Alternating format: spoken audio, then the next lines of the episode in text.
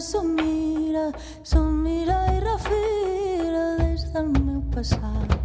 Donzelleta del mar, la mare ben cega que m'obre camí i a terres més altes que Déu ve intuït.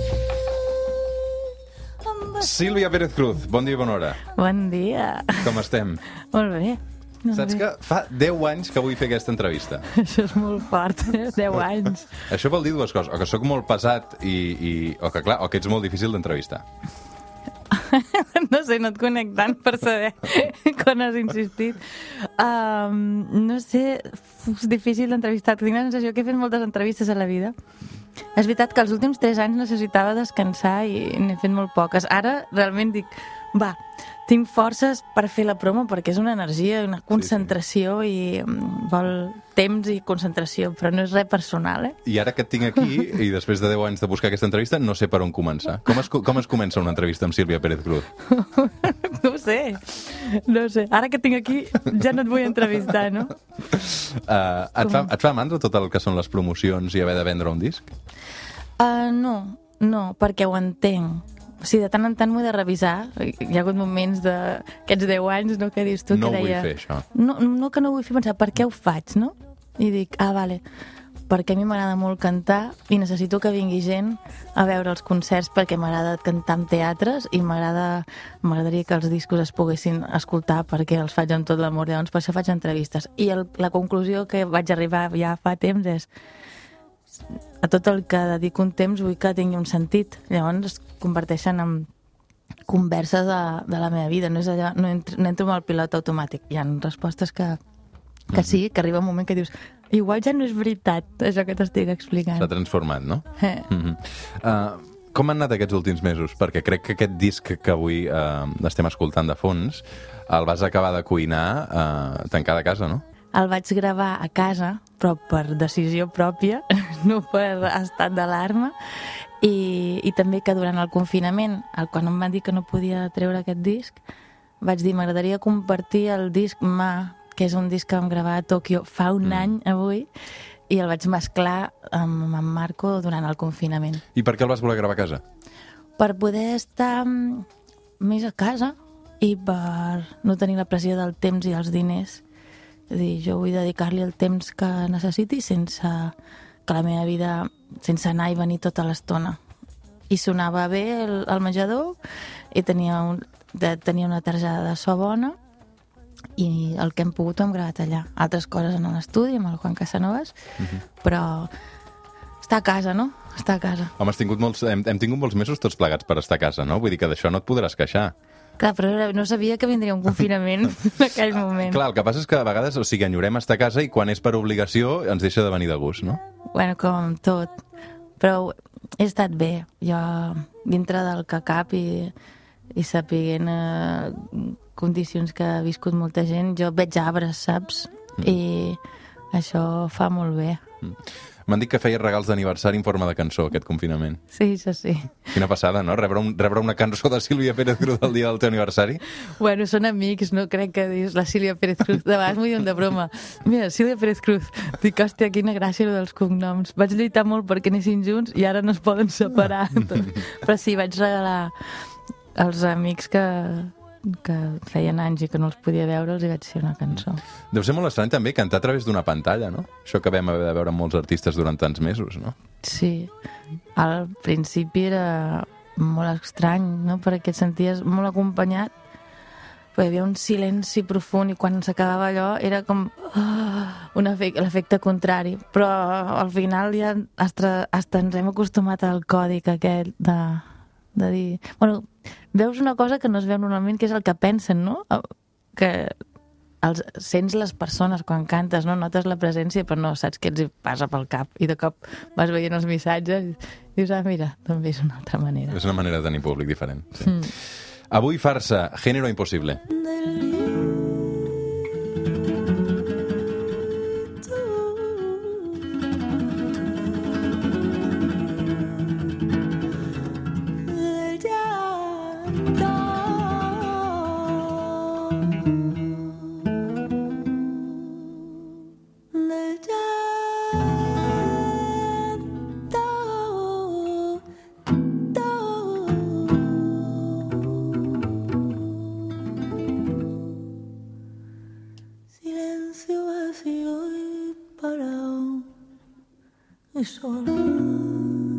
sap greu trepitjar-ho.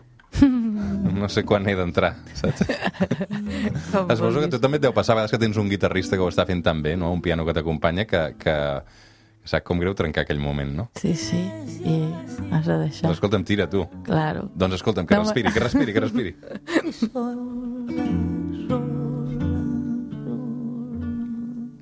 Clar, quan parlem de farsa, ens ve al cap una mentida, no? No sé si... Crec que no és ben bé aquest el sentit que li volies donar. No. Um, va ser quan l'estava gravant, o sigui, no és anterior a la creació de, de les cançons, eh? El títol el decideixo en el moment en què ho gravo, que estava reflexionant, i encara ho faig, sobre la- l'imatge que volem donar i el que som, no? I en temps de xarxes socials és molt bèstia com pots crear un robot perfecte, no?, del que t'agradaria ser, no?, d'aquella...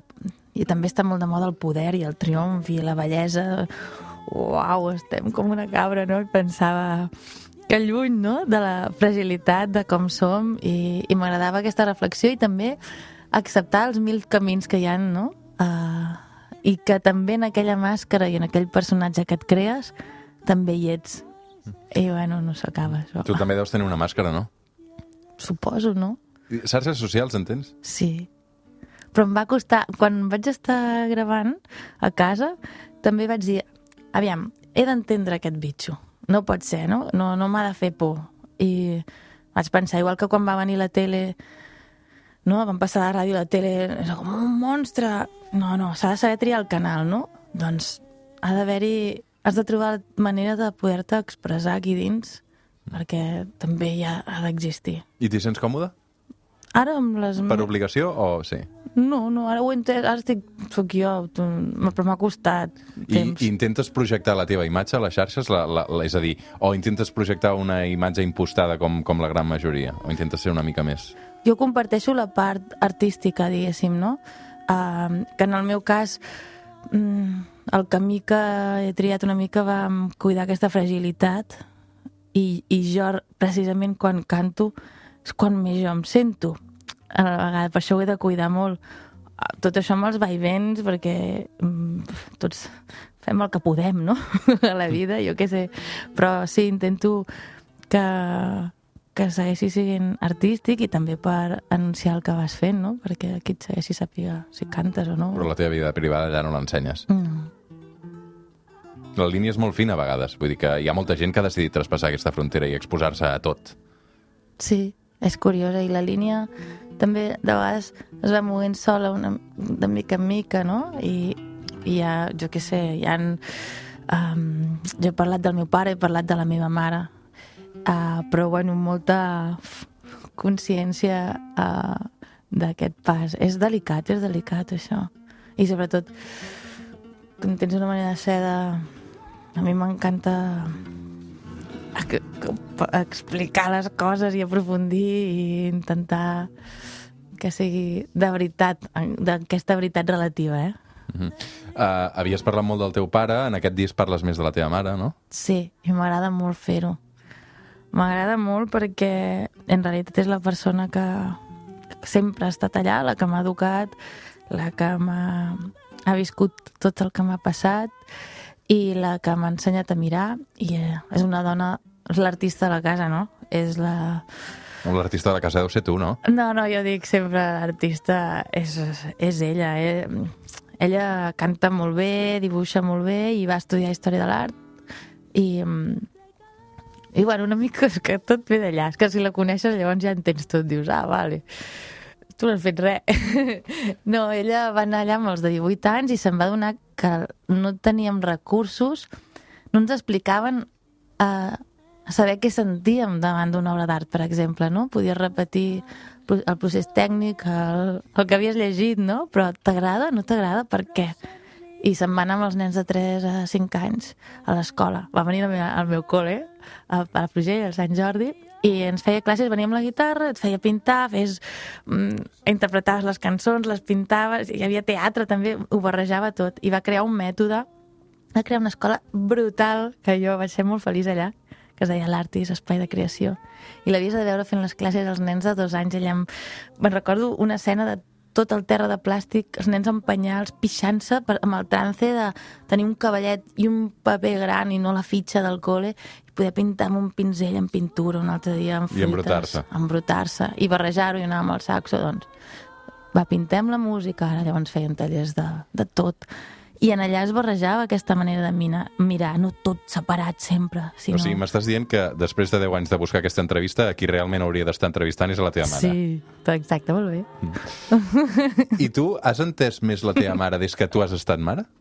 Sí, bueno, jo, jo crec que... Eh, bueno, entès, et poses... Perquè tots som fills, no? I jo crec que quan ets mare, entens la teva mare com una filla, també. O sigui, que ella era una filla que va ser mare. Mm. I aquest canvi de responsabilitat i aquest mm, vèrtic de no saber, no? I aquesta entrega i aquesta generositat. Sí. Tu com et definiries com a mare? Mm, no ho sé. No, no ho sé. Em costa molt de fer. Tu ets pare? No encara. és que és una pregunta molt... No sé. M'encanta ser mare i és amb el procés de vida i d'amor que més he après a la vida. És uh, doncs més... el més real que existeix. Va ser mare jove, no? Crec que tenies 25 anys. Sí. I, I no vas aturar per res la teva carrera. No, va començar A despuntar, a també. despuntar i, de fet, crec que m'ha ajudat molt ser mare per tenir els peus a terra i, i ajudar-me a poder cuidar l'art d'aquesta manera que a mi m'agrada tan relacionada amb la vida amb la meravellosa màgia de la vida, també, eh? I, i m'agrada molt aquesta combinació. I li agrada a la teva filla venir als concerts de la seva mare o no està farta? Uh, no, no, no li agrada.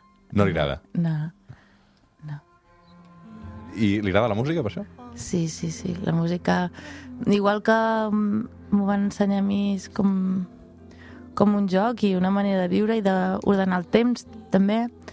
Um, saber... És un llenguatge que el fem servir molt per improvisar, per inclús per explicar coses i la música està allà. Clar, tu amb el tema de la música vas arrencar molt, molt jove. Crec que amb 3 anys ja començaves a potinejar alguns instruments, no?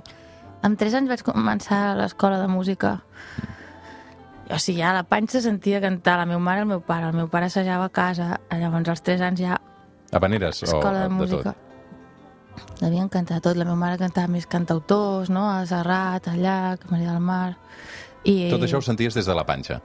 Sí, i quan vaig sortir també.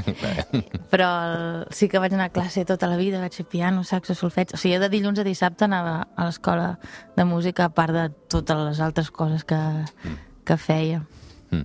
Um, i, I després no ho vas deixar perquè crec que també el teu pare és qui et va obrir també moltes portes a la introducció amb el, la vanera i tot això, no? Bueno, no és que m'obrís portes. Jo amb el meu pare la, la manera de relacionar-nos que teníem era Cantant. cantant i llavors un o dos cops l'any cantàvem dos o quatre cançons, literalment. I jo allà vaig sentir la vocació i vaig aprendre a comunicar el que sentia, no parlant, sinó cantant. Llavors això jo tenia 12-13 anys, que és el primer concert que em van pagar, me'n recordo, 25.000 pessetes per aquelles quatre cançons. Déu-n'hi-do. Sí, molt, a Barcelona. I llavors ja vaig començar a fer concerts. Als 18 vaig arribar a Barcelona, vaig venir a estudiar. I um, ja sempre m'he dedicat a això. No, jo la música pensava que sempre hi serà, no l'entenia com, ni com a ofici ni com a estudi, és com vida. I, mm. i vamos. Aleshores, d'alguna manera els teus primers mestres van ser a casa teva, els teus pares. A tu, ara també arran de la pandèmia, t'ha tocat fer de mestre la teva filla o no? De professors, això que els hi ha tocat a tants pares? Sí, sí, sí, hòstia, això ha sigut molt complicat, eh? Perquè els han deixat tan desemparats, a més a més. Una sensació de que l'educació era... no era important. Amb... I vam estar... Bueno, sí, anàvem fent, era bonic també, no? Intentar veure com explicar alguna cosa i amb l'ofici del professor, que és una vocació i és tan admiro tant i de cop et veus allà fent el que pots en un, en un lloc que no és el l'espai on, on ells estan acostumats a aprendre. Però bueno, uh, en aquest sentit també he disfrutat d'estar a casa i la creativitat també estaven allà, vull dir que s'aprenia de moltes maneres. Però tela marinera, eh?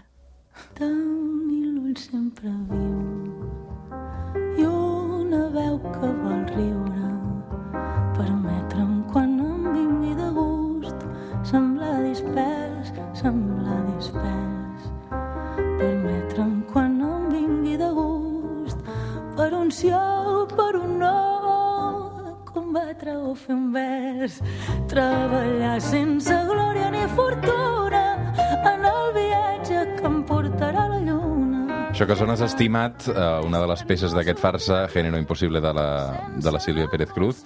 Eh, clar, eh, em fa la sensació, Sílvia, que que ara hi ha moltes noies, no? Uh, moltes dones que canten en català i, i que, que s'estan obrint camí i que segurament ja estan en una generació més jove que la teva, no? I la, penso en la Gemma Humet, amb la Judit Nederman, amb la Núria Graham, um, la Rosalia, evidentment, també. Uh, però, clar, tu no sé si tenies el, aquestes referents, no?, la teva edat, perquè potser... Mm, Clar, Marina Rossell o, o Maria del Mar Bonet són d'una generació de, dels 70, no? Potser els 80 i els 90 hi va haver com un buit d'aquest referent femení, no?, a Catalunya. Ostres, molt bé, sí, sí. No havia pensat mai en dècades, però la sensació, evidentment, que sabia... Eh, els havia escoltat perquè formaven part d'això, a mi la meva mare cantava i tal, però no, jo tenia la sensació de que no hi havia gaire referents. La Carme Canela, per exemple, va ser molt un referent per mi i, jo què sé, la Maite Martín, Estrella Morente, uh, però coses, cadascú amb estils molt diferents, no existia la, el, per exemple, dona instrumentista o que havia mm, pogut estudiar música. Era molt rar, hi havia un buit allà molt, que me n'adono ara, en aquell moment, per suposat, no n'era gens conscient, però sí que després de Mm, sobretot de 11 de novembre, no? que era el primer disc així de, amb cançons pròpies i, i molt de... vaig a investigar el meu imaginari musical, després van començar a sortir moltes, moltes més dones que, que, que feien la seva música. I que et reivindiquen i que segurament has estat mirall, no?, també? I vull dir que tot i, i ets molt jove encara. Clar, a mi em costava entendre-ho per la joventut, perquè en molt pocs anys va passar, saps? I pensar, no ho podia entendre que era un referent. I al principi pensava, ostres, però com pot ser? Perquè un viu la seva vida, no? I, i no entén, amb la distància pots dir, ah, vale, va passar això, ara ho entenc, i, i perquè també m'ho han dit, no?, com a referent, sé que ha sigut un exemple per molta, molta gent, inclús la manera de cantar eh, així més... Ha començat una manera de cantar eh, nova que abans no, no existia, el... ara hi ha moltes més de les instrumentistes. Què vol, què vol dir una manera de cantar nova que abans no existia? És que a mi em costa molt de detectar perquè sóc jo, però pel que em diuen els meus amics, me'n recordo el Drexler que va dir Sílvia és la voz d'una nova generació. I jo veig, escolto gent i penso, hòstia, de vegades m'he recordat a mi mateixa, o amb el gest, el gest, I et, a la carrera... et, et ruboritza sentir això? Uh, T'infla l'ego? Uh, et, et fa... Què, què, quina, quan, Ara... quan, quan t'afalaguen tant que... Ah, bueno, he passat per moltes etapes. Amb això, quan al principi no ho entenia i després vaig dir, ah, que bonic poder ser una inspiració, no? Que sí, m'han dit coses realment molt boniques. Ara, he passat una etapa que quan rebia un elogi com que de seguida l'oblidava no? Era, no volia que m'afectés i que se'm posés al cap. I ara he entès que, ostres, també... Està bé estimar-se. Està bé, sí, rebre els regals, no? Rebre els regals, dic, t'ho dono molt. Mm. És bonic, com amb els aplaudiments em passava a vegades, que pensava, no cal, me'n vaig. I dic, Sílvia, és molt generós també saber rebre, no? I dic, Clara, jo us he donat això i ara vosaltres m'ho expliqueu així. Ara els, uh, me'ls miro amb, amb calma i amb els peus super a terra perquè tinc, sí, no, no, no és aquest el problema, però ah, dic gràcies, moltes gràcies. He vist com la Rosalia també et reivindica molt, no? Sí? No, sí. no, no... I he vist que et proposa, eh, a vegades fa, proposa playlist o, o, ah, sí, sí, i, i proposa la teva música. El Grito Pelao és veritat que el va posar una vegada. Què en penses de la Rosalia? T'agrada el que fa? Penso que és... Ostres, que et dona... Hauríem, ens ha fet pensar molt a tots, oi? ha sigut, no sé, la velocitat, l'objectiu, no? Jo crec que té una veu molt bonica, que té molt talent, que és, deu ser molt currante, no? Perquè per fer això O sigui, no tothom pot arribar, està clar, ha d'haver-hi un potencial, però també s'ha de voler. És ambiciosa. És, té una molt, no? molt ambiciosa i l'objectiu m'al·lucina. Clar, mica en mica s'ha anat tornant com una mena de pel·lícula perquè una persona superpropera i de cop dius, hòstia, es pot, es pot arribar allà, no? I vol arribar. Uh, es, es torna un món super desconegut de, de algú que coneixes, o sigui, jo puc parlar de... N'he viscut moltes de coses, però hi ha moltes que penso, ostres, aquí aquesta lliga jo ja no sé com funciona. De vegades em pregunto com, com ho deu viure, no? Tota aquesta pressió, aquesta o aquesta fama, no sé, em, em, penso, ha de ser Però la proposta artística que fa, t'agrada o no t'agrada? de... Bueno, ha fet moltes, no? Bueno, això també és una resposta, no? N'ha fet moltes. Sí, n'ha fet moltes. Jo crec que, que això és important, que fa el que a ella li agrada. I això crec que és superimportant. Hi ha algunes etapes que puc coincidir més i d'altres que em queden super lluny i, i no sé, és que hi ha moltíssimes coses perquè també hi ha tota una proposta visual, no? Uh, Va més enllà de la música, és ella que ja, ara ja crec que ha sigut tant un fenomen social no, que t'ha fet reflexionar de, a molts nivells. Però jo crec que ella fa el que ella vol fer, que això és important. ja. Mhm. I tu fas la música que vols fer? Sí, clar. Sí, sí. No és tan fàcil, eh, això, quan formes part de la indústria? Sí, però és que mm, formo part de la... El, per que estic en una discogràfica, dius, no? La condició per estar-hi era fer el que, el que, el que vulgui, vamos, és que no, no... Una de les coses que em feia por a mi de discogràfica era la fama. Jo me'n recordo amb l'Àlex Sánchez, el, el meu mànager, un gran amic, que li dono les gràcies des d'aquí, el felicito pel curro que fa, que li deia, és que jo no quiero ser famosa, no? Li deia, diu, la fama és lo que tu quieres que sea. I amb el temps ho he anat entenent, que tu realment pots anar traçant el que vols i els nos que dius et defineixen, no? I el, el, el, el poc coneguda que puc ser és com conseqüència del que faig i això em dona moltíssima calma. I amb el ritme que ho he fet, que jo també tinc un ritme molt més soc molt corrente però molt pausat, no, m'agrada entendre tot el que faig, no m'agrada gaire que em regalin les coses, m'agrada sí, saber com si tingués un nord, doncs cada enciam, veure com ha crescut i dic, ara, veus, això és per això. Llavors, tot el que vaig fent, et pots equivocar o no, però saps per què ho has fet i això em dona molta calma. I la discogràfica és que foto el que vull.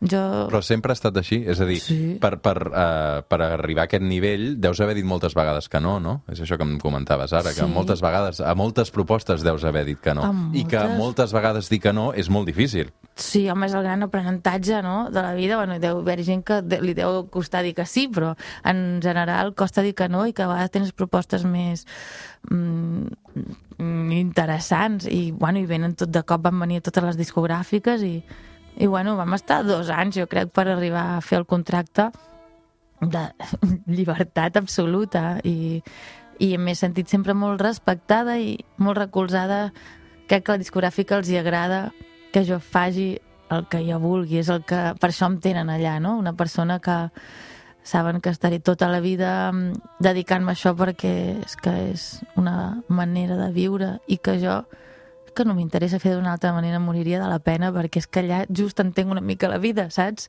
No ho puc pervertir perquè llavors que, que, que no em, em perdria. Cuando yo muera, amado mío, no cantes para mí canciones tristes. Olvida falsedades del pasado. Recuerda que fueron solo sueños que tuviste. Cuando yo muera, amado mío, no cantes para mí canciones tristes. És bonica, eh? És de l'Anna Maria Moix. Perquè hi ha lletres teves i hi ha lletres de poemes Sí. que, has, que has agafat. És molt maca, aquesta frase. És brutal. És molt... És boníssima, eh? En el fons, és que és una cançó... Jo la sento i és d'aquestes que ja no sento que jo hagi fet res. Saps? Que he estirat la musiqueta que tenien les paraules i ha sigut el que ella era, no? És... Bueno, aquesta cançó... Jo vaig conèixer l'Anna Maria Moix, eh, vaig tenir la sort. De fet, em van donar un premi que em va fer molta il·lusió del directe del Liceu de l'11 de novembre. I, um, quan va morir li van fer un documental i em van demanar si podia musicar aquests versos. I, bueno, jo abans de llegir-los vaig dir que sí perquè li hagués fet el que fes falta perquè ell ten, estava, sen- sentia molta estima i molt d'agraïment. I em vaig trobar aquest primer vers que em va fer petar el cap, no? perquè tenim la tendència a parlar de la mort d'una manera sempre Trista. trista. I bueno, vaig decidir fer-la amb aires així una mica mexicans per aquesta relació tan viva que tenen de la mort i em va semblar una manera de cantar-li molt sana. Tu penses en la mort? Amb la mort, sí, de moltes maneres diferents, no? Depèn de, de, de etapes. Sí, sí, de vegades... Ara la sento molt... mm, com profundament, saps? De, l'absurd del viure i del morir. La, la sento, uah, és que això s'acaba, eh? Això s'acaba i estem aquí tots, eh, no sé què. I ara també és, és veritat que hem viscut uns temps de pel·lícula, però sí, sí, ara va, va moments i he pensat de moltes maneres diferents. La tinc present, la tinc present. Però encara no s'acaba. No. No, home, encara no. Uh, clar, però sí que és veritat, Sílvia, que uh, o sigui, normalment uh, tens un estil o, o una manera de cantar que a vegades serveixen per, per il·lustrar o per posar veu a temes molt durs, no? O, o, o el patiment, o el dol, o cançons tristes. Um, a vegades hi ha aquesta, aquesta cosa de- d'artista torturat, no? També, a vegades pots encarnar aquesta figura i estàs d'acord o no? Jo crec que és molt mal entès, perquè com que no... Una vegada una noia em va dir, tu cantas mi pena, ¿no? ¿quién te ha contado mi pena que la has cantado? Y digo, hostia, no es tuya, ni es mía. Digo, és la pena o l'alegria. I canto els conceptes generals, el, el desamor i l'amor en general. I això cura molt, perquè no és allò de... mm, de, de flagelar-te, sinó és de riguem-nos una mica i curem. És, és una sensació totalment de curativa, no és... El que passa que hi ha una... que potser amb això sí que estaria d'acord, que a, nivell creatiu és, sol ser més fàcil crear moments més durs de tristesa, perquè en allà hi ha un moment que dius, t'importa, no m'importa res i comença a sortir tot. I l'alegria l'estàs visquent i basta, n'oblides. Això sí que m'agrada reivindicar-ho, que s'hauria de crear més en estats d'alegria. Però a mi em, em crea una felicitat i crec que és molt superficial pensar només que és, és tortura, una tortura, sinó que és un moment de vida, de sentir-se viu i no amagar uns sentiments, però compartir-los i llavors en riure'ns, en- que, que també la vida no és només alegria i bellesa i triomfo, no? És, moltes coses i és bonic cantar, cantar totes aquestes coses. Sílvia Pérez Cruz, m'ha agradat molt, moltíssim. Sí, pensava, hòstia, 10 anys esperant, has de tenir unes expectatives. Dóna-li una bona entrevista al xaval, com a mínim, no? Deu- Deus haver pensat això, no? Fes-li un parell de respostes originals. No, és que, o sigui, m'han apuntat al guió que t'he de preguntar per... I Dic, com és que li pregunti això a la Sílvia? El què? Li has de treure... Dic, és que no, no em crec, dic, no em crec que acabi els concerts així. Li has de preguntar per Tractor Amarillo. Ah, hòstia, clar, ja és que això... Jo m'ho volia estalviar, però dic, què vol dir que t'he de preguntar pel Tractor Amarillo?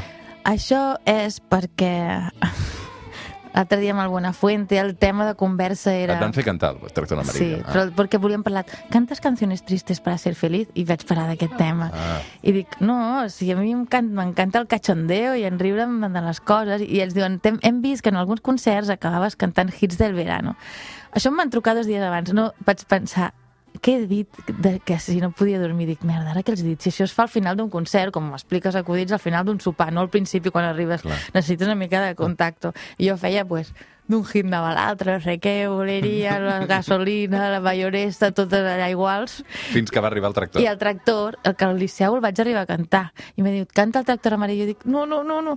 I llavors a l'assaig la vam provar i dic, hòstia, és que és preciosa la melodia. I estàvem allà i al final la vam disfrutar i ens, ens vam emocionar i tot amb el tractor amarillo. No et demano que em cantis el boleria, no? És que només em sé... El... Fes- Fes-me un boleria, boleria per acomiadar i anar a la publicitat i ja està. Boleria, boleria. Fem una pausa i ara tornem. Sílvia Pérez Cruz, un plaer. Igualment. Gràcies.